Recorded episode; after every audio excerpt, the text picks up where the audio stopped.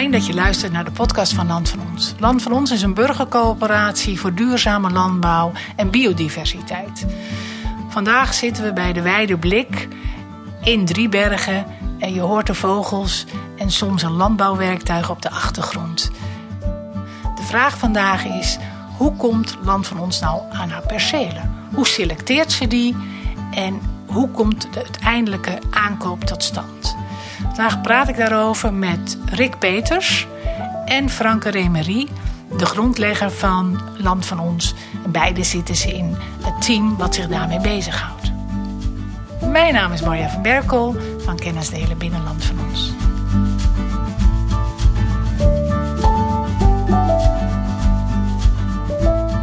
Voordat we in de wereld duiken van percelen, selectie en aankoop, aan jou, Rick, de vraag. Hoe ben je nou zo bij Land van Ons terechtgekomen? En specifiek bij dit team? Nou, eigenlijk was dat via uh, het programma Binnenste Buiten. dus dat is uh, een van de programma, weinige programma's die ik op tv uh, volg en trouw volg. Nou, daar was ik hier een documentaire over een stukje over een van de percelen van Land van Ons. En dat ging over de strokenteelt. Um, nou, toen dacht ik van, hé, hey, dat is leuk, dat vind ik interessant. Laat ik gaan kijken wat die club doet. Dus vervolgens naar de website, club kijken, een beetje doorscrollen. En toen kwam ik daar uh, de oproep tegen dat ze nog iemand zochten voor het uh, percelenteam. Ik denk, nou ja, dat kan ik. dat doe ik. dus misschien kan ik mijn kenniskunde en ervaring beschikbaar stellen aan, dit, aan deze club. Dus vervolgens een e-mail, e e-mailtje gestuurd en uh, wat contact gezocht. En uiteindelijk uh, bij de eerstvolgende vergadering uh, aangesloten om te kijken of dat, dat een beetje matcht. Nou, dat bleek te passen. dus sindsdien eigenlijk, en dat was vorig jaar, ik denk oktober, november 2021. onderdeel van het, van het. Hartstikke mooi. En als je zegt, dat kan ik, uh, nou ja, ik heb een achtergrond in het gebied, op het gebied van uh, ruimtelijke ontwikkeling. Uh, en daar doe ik dan vooral ontwikkelingsstrategie en financiële zaken aangaande gebiedsontwikkelingen, herontwikkelingen. nou, daar loop je natuurlijk ook altijd tegen grond en grond aankopen, ja. contractering van allerlei partijen. Nou, dat is eigenlijk wat we, wat we hier ook doen en nodig hebben. Ja, dus, mooie, mooie input. Dus die ervaring kunnen we dan gebruiken. Land van ons, ja keer om niet vol te bouwen, maar vol groen te houden. Ja, uh, ja hartstikke goed. Ik uh, ga naar uh, Franke. Franke is natuurlijk de oprichter van Land van Ons. En ik wil eigenlijk nog een beetje teruggaan naar hoe het ontstaan is. En het bestaat bijna drie jaar, hè, in het najaar. Ja. en van daaruit naar de eerste percelen te bewegen. Ja, dat is alweer uh, tropenjaren geleden. Hè? Want die drie jaar, die, dat voelt al als veel langer. Dat zal. Ja, het is, het is natuurlijk heel, heel, snel gegaan en een heel intensief traject is met, met allerlei vrijwilligers. En Rick die zal het ook wel ervaren. Hè? Als, als je bij zo'n percelenteam bijvoorbeeld komt, dat uh, je wordt meteen in diepe gegooid. En uh, nou is het jouw beroepsmatige achtergrond, dan is het wat makkelijker. Maar het is uh, veel en hard en heel leuk werk. Ja. Maar vertel nog eens over dat idee, hoe nou dat idee geboren is voor Land van Ons. Ja, Kijk, ik, ik, ik heb me altijd geïnteresseerd voor, voor grond en ruimtelijke ordening. Ik heb dat ooit ook willen studeren. Nou, dat is een heel ander verhaal, niet over hebben. Uh, maar het heeft me wel altijd bezig gehouden, grond.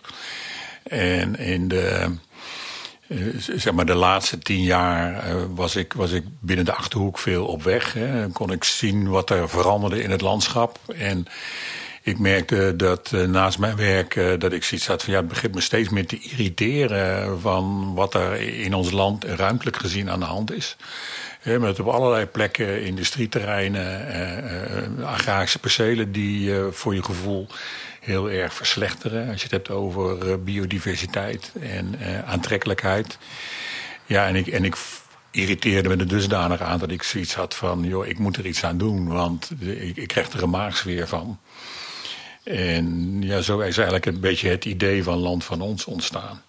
Vanuit irritatie. En uh, heeft het toen nog veel voorbereiding gekost voordat je. Ja, de oprichting. Je, als je hier achteraf met mensen over praat, dan. Uh, ik heb al een aantal keren gehoord van. Ja, dat idee heb ik ook wel eens gehad. En kijk, het idee bedenken is aan zich helemaal niet zo ingewikkeld. Hè. Land van ons is eigenlijk. In essentie is het gewoon een heel simpel concept. Um, Dus daar ben je binnen een half uurtje ben je daarmee klaar. Uh, de tijd zit erin om zeg maar dat hele grove idee. Uh, van ja we, nou ja, we zouden best met z'n allen zouden we grond kunnen kopen. Uh, leuk, dan, kunnen we wat mee doen. Om vanuit dat hele grove idee om het, het helemaal tot in detail te doordenken. Van oké, waar gaan we dan tegenaan lopen? Wat hebben we allemaal nodig? Tegen wat voor regelgeving lopen we aan? Eh, hoe gaan we het oplossen? Hoe moeten we onze systemen, onze back-office, zoals het zo fraai uh, heet, uh, inrichten? hoe krijgen we mensen zover dat ze aan, een, aan een wildvreemde partij geld gaan geven?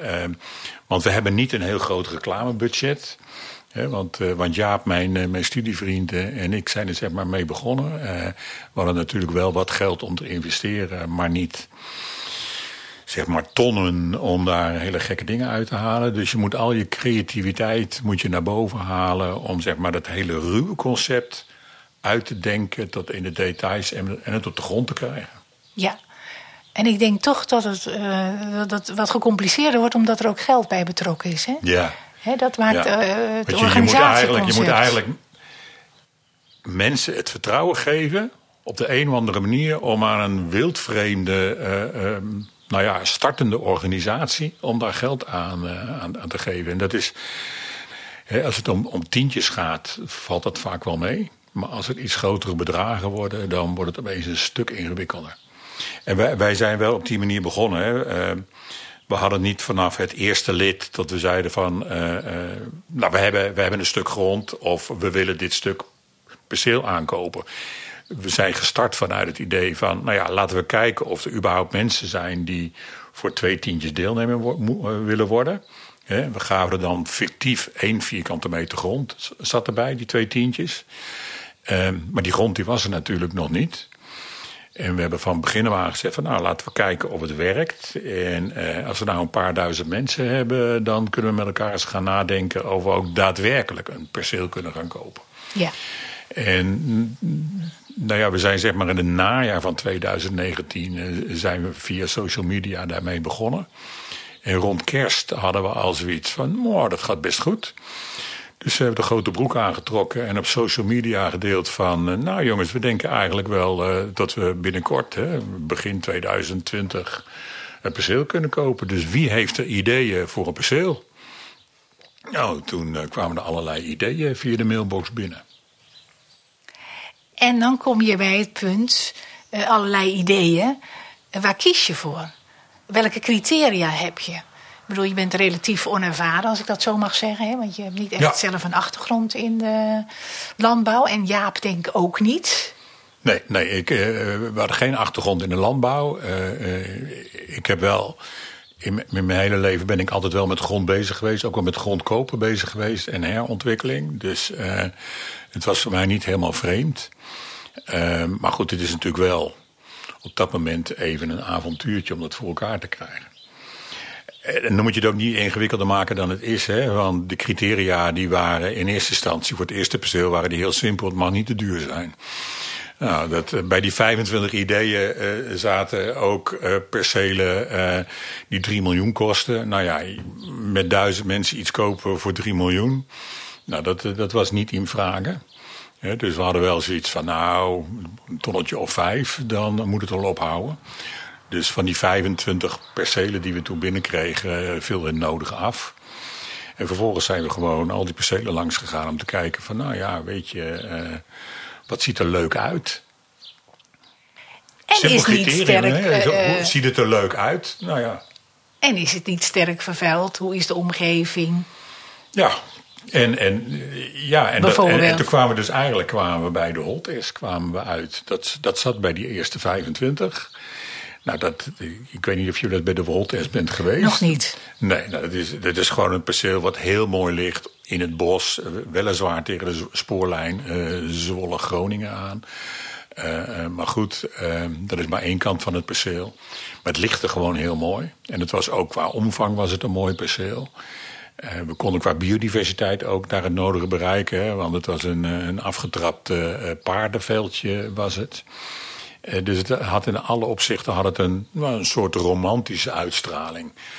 En ehm, we hadden ook wel zo'n gevoel van, weet je, hier, gaan mensen voor vallen. Als we kunnen laten zien dat we hier iets leuks van kunnen maken, dan, uh, dan, dan wordt het het helemaal.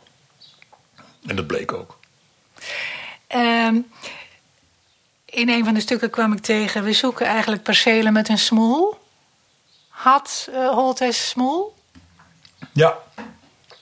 Ja, door, zijn ligging, zo, zo tegen zo'n bosrand aan. Hè, en als daar dan de zon overheen komt, dan heeft het absoluut smoel. Uh, smoel betekent bij ons ook dat, dat het iets moet kunnen gaan worden. Dat je daadwerkelijk moet kunnen laten zien van uh, hier hebben wij uh, de hand in gehad en hier hebben wij de biodiversiteit verbeterd. Nou, dat was daar dus niet zo moeilijk hè, vanwege dat paardenweidje. Uh, smoel betekent ook dat het zeg maar, een bepaalde cultuurhistorische waarde moet hebben. Dat, dat kan een ingrediënt voor dat, dat begrip smoel zijn. Ja. Nou, dat had het dit absoluut, hè, want er was al archeologisch onderzoek uh, gedaan op dat perceel. Uh, omdat ze daar een, uh, een, aantal jaren daarvoor een, een, nieuwe hoofdleiding voor het gasbedrijf, geloof ik, doorheen hadden gelegd. En bleek dus dat daar al in 500 of zo bebouwing was.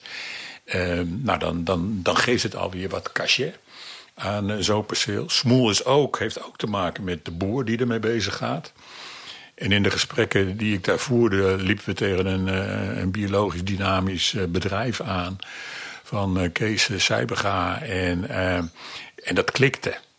En die zitten vlak in de buurt. En dus het, al die puzzelstukjes die pasten.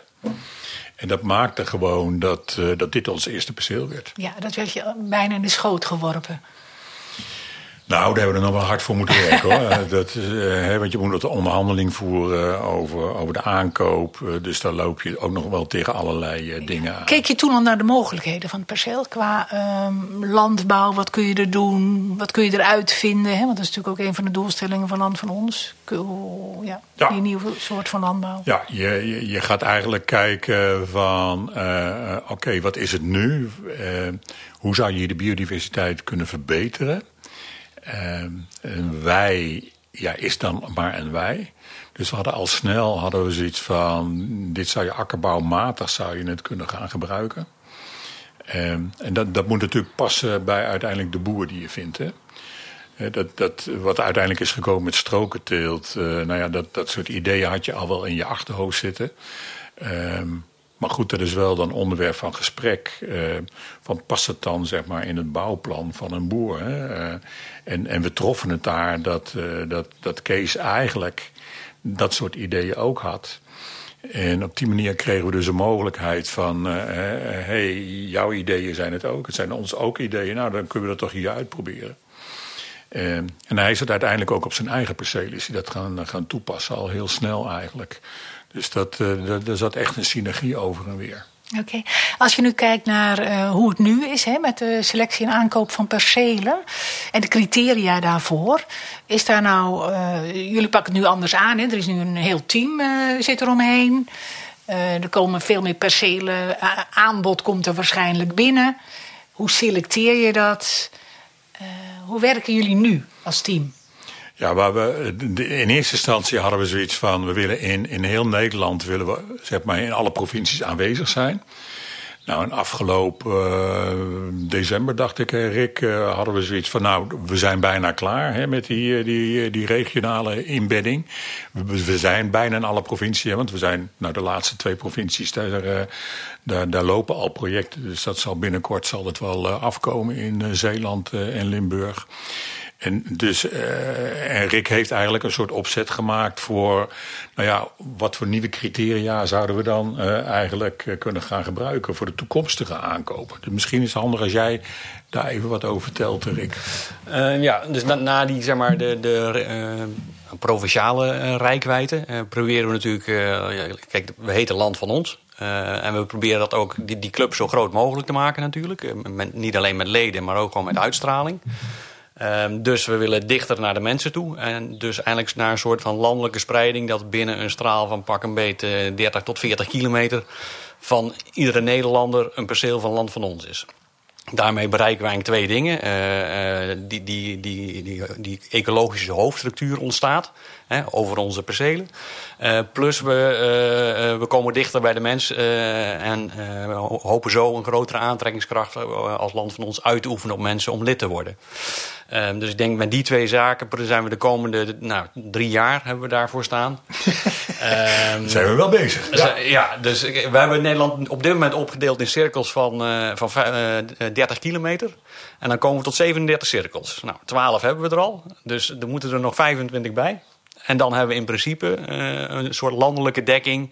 Waarbij we toch redelijk dicht bij elke inwoner van Nederland uh, een perceel in de omgeving hebben. Dan kunnen ze er op de fiets naartoe. Oké, maar de criteria voor die percelen die langskomen. Ja, als je nou praat over uh, hoe, hoe zit het in, hoe komt het selectieproces tot stand? Hè? Want daar ja. vraag je eigenlijk. Ja. Uh, we krijgen in, inmiddels, vorig jaar hebben we 200 percelen aangeboden gekregen. en van die 200 hebben we er ongeveer 10 gekocht. dus dat is een beetje de, de scoringspercentage. Um, A is natuurlijk waar ligt het in Nederland? Uh, ligt het dicht bij de mensen die we zoeken? Ligt het binnen een van, de, van, die, van die 37 cirkels waar, waar we iets in... Uh, ligt het niet te dicht bij een bestaand perceel? Wat we al hebben. We, willen natuurlijk zo, zo, zo, zo breed mogelijk inzet hebben. Um, dus dat zijn denk ik wat geografische uh, aspecten. Nou, vervolgens is natuurlijk het landbouwkundige deel. Um, Oké, wat voor grond hebben we het over? Weiland, akkerbouw, tuinbouw, wat kun je ermee? Nou kunnen wij gelukkig, uh, we hoeven niet uh, intensief of heel commercieel te boeren. Dus we kunnen ook de gronden waar een reguliere boer van zegt... nou, dat vinden wij arme gronden of slechte gronden... die zijn juist voor de biodiversiteit vaak extra interessant. Dus dat, dat, dat speelt mee. Um, nou, prijs is natuurlijk altijd ook een soort afgeleide van, uh, ja, past het een beetje binnen. Kijk, we kopen grond met geld van onze leden. Nou ja, wil je natuurlijk wel uh, waar voor je geld hebben. Uh, dus dus dat, is, dat blijft ook altijd gewoon een criterium. Zichtbaarheid, denk ik. Hè? Wanneer is het, is een perceel ook zichtbaar te krijgen? Als het helemaal ligt ingeklemd op, op een plek waar je eigenlijk nauwelijks bij komt... ja, dan is het wat dat betreft in ieder geval een minnetje. Hè? Want we vinden het eigenlijk prettig als deelnemers uh, eromheen kunnen lopen of fietsen of rijden. Op de een of andere manier dat ze daar binding mee kunnen krijgen. Ja, dus dat, daar komt die 30 kilometer ook een beetje vandaan. Hè? Dus dat we zeggen, van, nou ja, mensen moeten er naartoe kunnen. Moeten uh, inderdaad op of om het perceel kunnen. Er moet een bankje staan, dat ze er ook even van kunnen genieten, bij wijze van spreken. Ja, dus dat speelt uh, denk ik een belangrijke rol. Nou ja, en verder is het ook in Nederland druk op de grondmarkt. dus het moet ook gewoon te koop zijn. Uh, want we krijgen ook heel veel dingen van ja, daar ligt een mooi perceel en dat zou hartstikke leuk zijn voor land van ons. Dat zal. Alleen er moet ook een partij zijn die het wil verkopen binnen, binnen de redelijkheden van, uh, van de markt natuurlijk. Is het ook zo druk op die landbouwmarkt? Uh, ja, zeker. Uh, er is natuurlijk veel onderlinge. Uh, het is een redelijk hecht netwerk in zo'n uh, zo'n regio. Waar men dus onderling aan elkaar verkoopt of toezegt. Of, nou ja, dus het komt eigenlijk heel vaak niet eens op de markt. Dat gewoon onderling wordt verkocht. Nou, als het al op de markt komt, dan, dan spelen er vaak de vraag van... is het een, een boer met binding en zit er emotie bij? Of is het gewoon een zakelijke transactie? Nou, in het kader van een zakelijke transactie... die kun je zakelijk afwikkelen, vaak met een makelaar. Dat gaat redelijk, nou ja efficiënt en eh, eenvoudig. Zit er emotie en bedrijfsbinding of familiehistorische binding bij, dan, ja, dan uh, kost dat vaak wat meer tijd. De gunfactor die, die Franke net al noemde, speelt natuurlijk een rol. Um, nou ja, en, en natuurlijk die hele onrust op de markt met wat gebeurt er nu met, met de hele stikstofdiscussie over met al die landbouwgronden, die, wat gaan we daar allemaal mee doen en hoe gaan we dat doen? Ja, dat hangt natuurlijk bij iedereen toch een beetje boven de, boven de markt om te kijken wat, wat doen we daarmee. Um, kijk, en in Nederland kennen we natuurlijk eigenlijk uh, intensieve landbouw of natuur. Uh, en daartussen zit eigenlijk niks. En waar we naar op zoek zijn en waar we als land van ons natuurlijk uh, invulling aan kunnen geven, is een stuk wat daartussen zit. Het hoeft niet intensief, het mag niet intensief. Het hoeft niet per se natuur te zijn, want je kunt nog steeds ook met natuur goede landbouw bedrijven. Ja, alleen dat, dat is wel de missing link in Nederland. En wat er natuurlijk bij is gekomen op de, op de hele grondmarkt, dat, is, dat zijn zeg maar de ontwikkelaars op de duurzame energie, hè, met de zonnevelden. Wat, wat, wat tienduizenden hectares zijn, nou dat komt allemaal van landbouwgrond. Hè, en die, daar, daar wordt ook best de, de markt moeilijk meegemaakt. Hè? Want er worden enorm, enorme bedragen uh, worden er geboden... waardoor een boer eigenlijk ja, nauwelijks nee kan zeggen. Die, dan kan die vijf keer zoveel geld krijgen... Uh, als dat hij zeg maar de aardappels opteelt. Uh, en, en de woningbouwmarkt is, speelt er natuurlijk ja. nog een rol. Hè? Maar er, is toch, uh, als het landbouwgrond is, bepaalde landbouwgrond, kun je toch niet zomaar zonnepanelen opzetten? Of kan dat wel? Is daar geen wet en regelgeving over? Jawel, jawel, jawel. Het is natuurlijk uh, dan nu landbouwgrond. Hè, dus dan moet bestemmingsplan technisch dan uh, van alles gebeuren. Dus een projectontwikkelaar. die, die weet ongeveer wel waar de mogelijkheden zitten. En daar is hij dan in geïnteresseerd. en als het dan niet zover is, dan uh, gaat hij met, met de overheden in feite in gesprek om te kijken... ja jongens, we zouden hier prachtig zouden we dit kunnen gaan maken... En dan moet er nog een bestemmingsplanprocedure eh, plaatsvinden. Ja, nee, maar dat gaat soms goed en soms gaat het niet goed. Nee, maar de druk vanuit de politiek om uh, duurzame energie, dus ook zonne-energie, dus ook zonne-energievelden te willen, ja, die is heel groot. Ja. Nee, en als de politieke wil er is, ja, die gaat over bestemmingsplanwijzigingen. Ja, dan gebeuren er ook wel eens ongelukjes dan gaat toch de landbouwgrond of natuur ten koste van duurzame energie. Dat zijn nou eenmaal de keuzes die, uh, die zo'n politiek dan maakt. Ja. Um, Rick, als je kijkt naar de afgelopen twaalf maanden, zijn er vier percelen aangekocht. Ja. Um, even kijken. Empen, Biesterhof, Halsteren en Wassenaar. Ja. Hasselt nog niet, hè? dat loopt. Hasselt is inmiddels aangekocht. Dan eh, zijn het er vijf. Um, wat was nou een relatief uh, ingewikkelde aankoop van die nou, percelen? Ik, en denk waarom? Dat Biesterhof de meest ingewikkelde is. Nou, Wassenaar doet er denk ik ook niet heel veel voor onder. dus we hebben best wel wat ingewikkelde percelen, denk ik. Um, ja, en dat ja. heeft dan eigenlijk te maken... bijvoorbeeld Biesterhof, uh, dat, dat was een bestaande boer... die eigenlijk zijn, in aanvang zijn bedrijf wilde overdragen. En wilde stoppen met boeren. Nou, toen het zover was, alles rond was, bedacht hij zich eigenlijk. Toen dacht hij van ja, maar dadelijk heb ik mijn boerderij verkocht en dan uh, heb ik niks meer. Wat dan? Uh, een leven zonder boerderij, ja, dat is ook geen leven. Um, dus toen heeft hij dat weer uh, teruggedraaid. En toen heeft, denk ik, Frank en Bas gepraat als brugman om te kijken of we toch een deel van die deal overeind te houden. Nou, dat is dan gelukt met het, met het Biesterhof, wat, wat het nu, zoals het nu staat. En daar zie je dus ook meteen wat ik straks zei, die emotie en die gunfactor, dat, dat, dat is in dat soort uh, trajecten heel erg, uh, heel erg belangrijk. Um, dus, dus dat is een, uh, een lastig aspect. of nou ja, een uitdagend aspect, zal ik het maar noemen. Ehm, als we kijken naar Wassenaar, dat, daar speelt eigenlijk wat anders. Daar, daar was de grond eigenlijk al soort van aangeboden, mm, precontractueel verkocht aan een ontwikkelaar om daar woningbouw op te plegen waar eigenlijk de hele omgeving uh, uh, ja, niet op zat te wachten. en daar is eigenlijk met een interventie van land van ons dan dat contract nou ja, niet doorgezet. En is het nu alsnog hier als bollegrond verkocht. Um, nou ja, en daar zat natuurlijk met name prijstechnisch was dat natuurlijk een uitdagend perceel. Hè. Dat, dat ging over best veel geld, of gaat over best veel geld. Um, ja, en zo'n omgeving die zegt dan, ja, ik heb liever geen woningbouw. Maar op het moment dat je zegt van, ja, dat is fijn, zullen wij dan samen kijken of dat we het uh, bolle grond kunnen houden. En dan wel ook nog op een biologisch en uh, een biodiverse manier. Dan is iedereen laaiend enthousiast. En als we dan zeggen, ja, maar dat is in uw achtertuin en dat is in uw belang. En wilt u dan ook een stukje bijdragen in termen van euro's? Ja, dan wordt het ineens verdacht stil in de zaal. Ehm, en dat was natuurlijk wel nodig, want anders hadden wij die grond nooit kunnen kopen. Of kunnen wij die grond als land van ons. Wij kunnen niet opbieden tegen, tegen woningbouwgrond en woningbouwprojectontwikkelaars. Want dat is gewoon niet onze doelstelling. En geen goede besteding van het geld van onze leden. Dus daar heeft Franke met name eh, weer moeten praten als brugman. Om alle uh, buren uh, zover te krijgen dat zij een substantieel deel van, van die investering voor haar rekening nemen. Dat is uiteindelijk toch gelukt. Nou, daar kan Frank misschien... uiteindelijk ja, ja, ja. Anders hadden we Wassenaar ook niet voorgesteld aan onze deelnemers. Dat, uh, we hebben dat uiteindelijk in, in, in financiële zin, uh, want dat was met name een financieel probleem daar, hebben we het heel goed voor elkaar gekregen. En um, dus dat perceel hebben we eigenlijk nu tegen gewoon normale condities naar ons kunnen toetrekken. En misschien zitten daar nog wat, wat bonussen aan. Hè, omdat ook de provincie nog wel geïnteresseerd is om op de een of andere manier nog een duit in het zakje te doen. Dus dat, eh, dat kan alleen maar leuker worden. Mooi. Ja, Nee, maar het- dus dit is- typisch zo'n perceel met een smoel. Hè. Daar zit een verhaal aan. Heeft een lange historie, want die, die, die verkopende partij en de gemeente en de provincie die lagen al twintig jaar met elkaar in de clinch. Hè, eh, eh, Wassenaar op zich natuurlijk al een bijzondere plek. Hè, ook met eh, het landgoed van de koninklijke familie naast ons. En een kasteel op zichtafstand. Dus het is gewoon een hele aparte plek.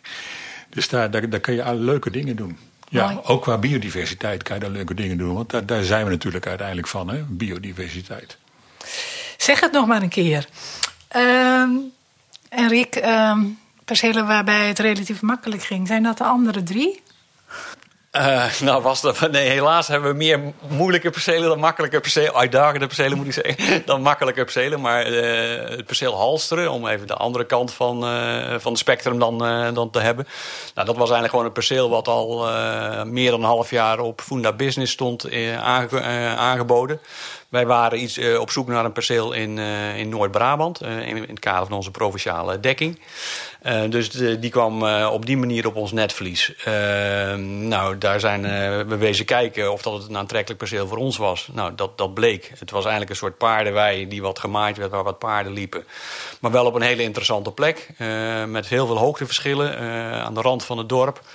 Eh, goed ontsloten. Ehm, te klein en te onhandig eh, in het kader van reguliere landbouw. Dus daarom stond die al een half jaar te kopen. Voor een gewone reguliere boer eh, was het gewoon niet interessant. Nou, en juist in die niche kunnen wij dan induiken door te zeggen van... hé, hey, voor ons is dat wel interessant, dan wel interessant te maken. En daar zat gewoon een makelaar op. Dus dat eh, was denk ik eh, eh, drie mailtjes naar de makelaar, twee keer bellen, nog een keer de, de bankschroef aandraaien. eh, nou ja, en het contract opsturen. Dus ja, dat, dat kan ook. Oké. Beetje getriggerd door dat hoogteverschil. Is dat interessant voor Land van Ons? Of is dat oninteressant voor de anderen? Beide. Hè, dat, eh, dat, gelukkig Ja. is dat beide. Want Ja. in Nederland zijn we nu eenmaal een redelijk plat land. Eh, en als het nog niet plat is, dan hebben de, de intensieve boeren het liever. Dan maken ze het plat. Want dan kunnen ze met een grote tractoren en machines er het makkelijkst en het hardst overheen rijden. Nou ja, en, dat, de, de, dus, eh, en voor de biodiversiteit is het dus juist heel positief. Als je hoogteverschillen hebt, heb je ook vochtverschillen, nat en droog. Eh, type grond eh, verloopt over het perceel, van klei naar zand. Nou ja, dat biedt allemaal eh, kansen voor biodiversiteit. Dus in die zin zoeken wij, dus als je zegt waar kijk je naar... We zijn eigenlijk niet op zoek naar de reguliere agrarische percelen, maar wel naar dit soort pareltjes waarin we op kleine schaal dan toch het verschil kunnen maken. En wat voor ons interessant is en tegen een goede prijs aan te kopen. En voor een agrariër niet interessant genoeg is, zodat we überhaupt de kans krijgen om ertussen te komen. Die, die, die, hoogteverschillen die zorgen voor temperatuurverschillen, voor temperatuurgradiënten. En, en dat is vaak een aspect wat bij biodiversiteit onderschat wordt. Dat als je die temperatuurverschillen weet te creëren eh, op een perceel, dat je dan heel veel goeds doet. Omdat allerlei, zeg maar, met name insecten, zeg maar, heel gevoelig zijn voor die temperaturen. En hoe groter jij die verschillen maakt, hoe meer soorten insecten jij de kans geeft om daar eh, eh, te overleven en zich voor te planten. En wat boeren inderdaad vaak doen, hè, is het om helemaal vlak schuiven. Waardoor je eigenlijk nog maar één temperatuur op zo'n perceel eh, hebt. En, en dat is gewoon jammer. Dus ook zeg maar hagen en houtwallen eromheen. Schaduw. Hè, dat, dat gaat niet alleen omdat het er leuk uitziet, maar dat creëert dus die temperatuurverschillen. En dat kan in een hele kleine ruimte kunnen dat hele grote verschillen zijn. Ik heb daar wel eens onderzoeken van gezien. Hè, dat, eh, eh, eh, zeg maar een, stukje van 10, 15 vierkante meter. Hè, waar dan de, grond wat oneffen was. er lagen wat stenen tussen. En tegen, een, tegen een houtwalletje aan. En het koudste en het warmste punt op zeg maar dat hele kleine stukje, daar zat 20 graden verschil tussen.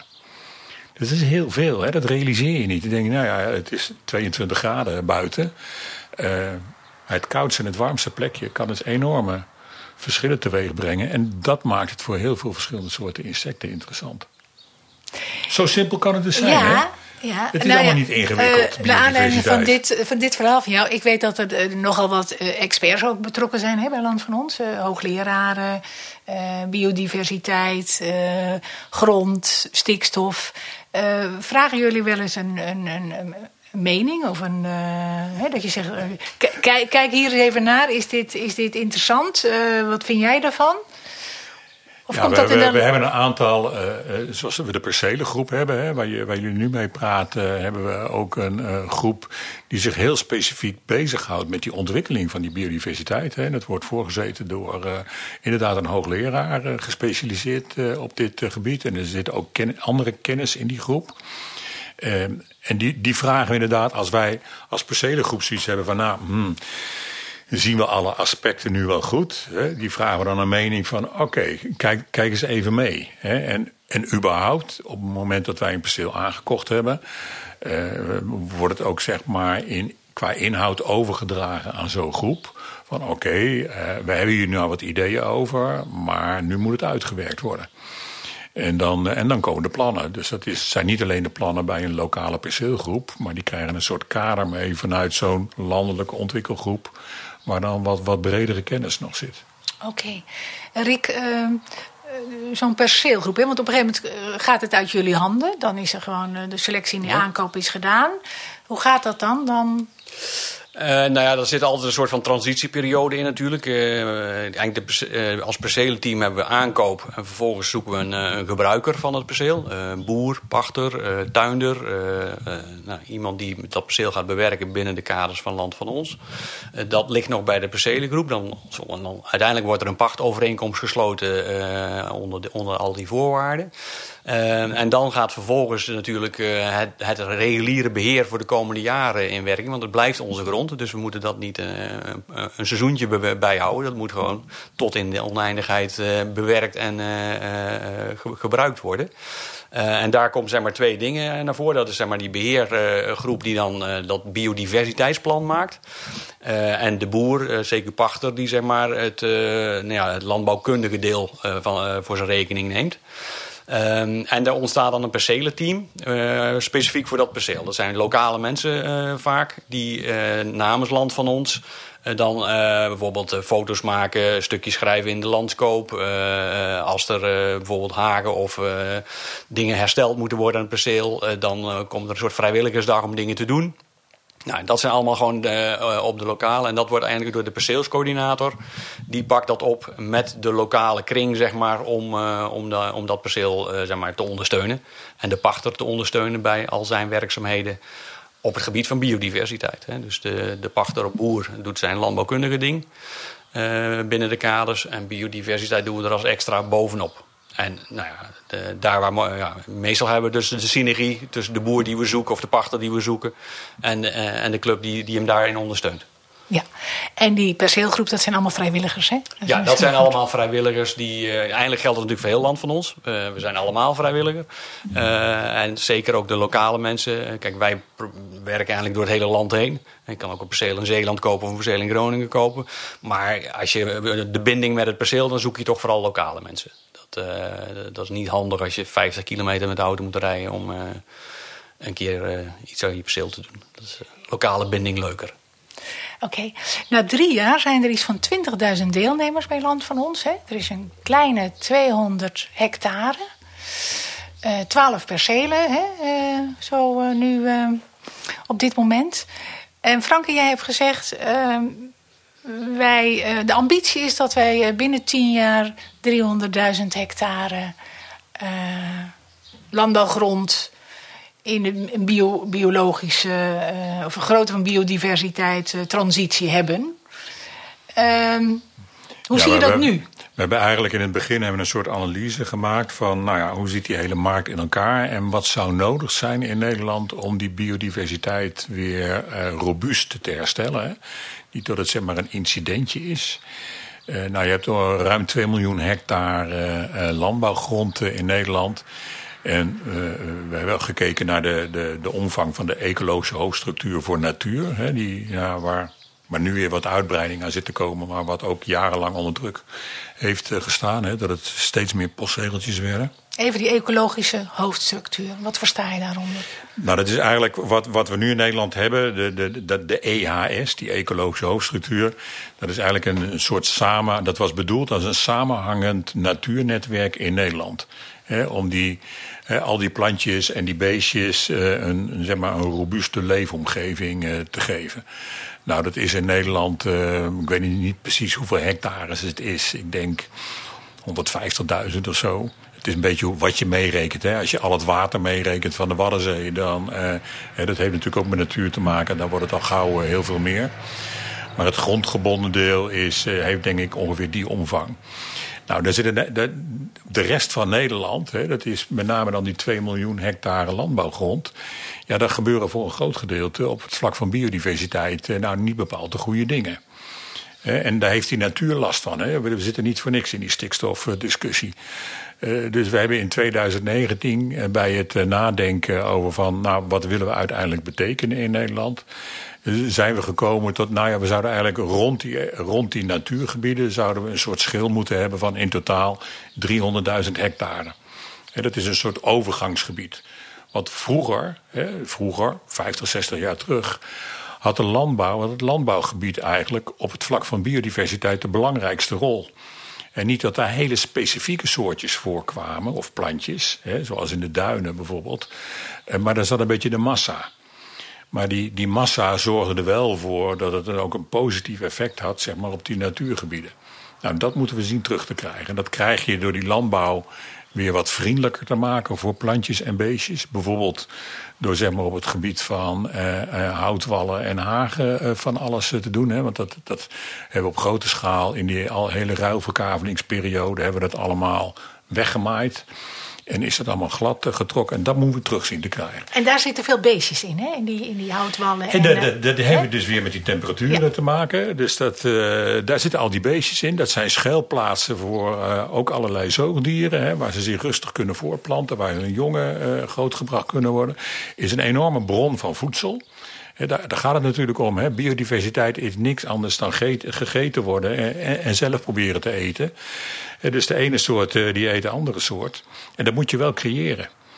En die insecten eh, die heb je nodig. Dat is eigenlijk de basis van de voedselketen voor eh, heel veel wat, wat hogere diersoorten. En als je dat dus niet hebt, ja, dan gaat het op grote schaal gaat het mis. En dat moeten we terug zien te krijgen. En dat is in het landbouwgebied eigenlijk helemaal niet zo ingewikkeld. Dus die 300.000 hectare, dat zou makkelijk kunnen. En dat hoeven wij niet in ons eentje te doen. Hè. Laten we daar even heel duidelijk over zijn. Hè. Want we, we hebben ook wel eens te horen gekregen... Jullie hebben nu 300, 200 hectare, 300 hectare. Hoe kom je in hemelsnaam tot die 300.000? Ja, jongens, dat hoeven we niet in ons eentje te doen. Er zijn gelukkig ook heel veel grondeigenaren en boeren... die het wel goed doen eh, en daarmee bezig zijn. Dus op die manier kan je ook het samenhangend netwerk creëren met elkaar. Dat is de opdracht. Oké, mooi. Dankjewel Franke en Rick. Een uh, duidelijk verhaal, uh, denk ik. Uh, jullie ook, luisteraars, dank. je kunt deze podcast terugluisteren op de website van Land van Ons, uiteraard. Maar ook in je favoriete podcast-app. Graag tot een volgende keer.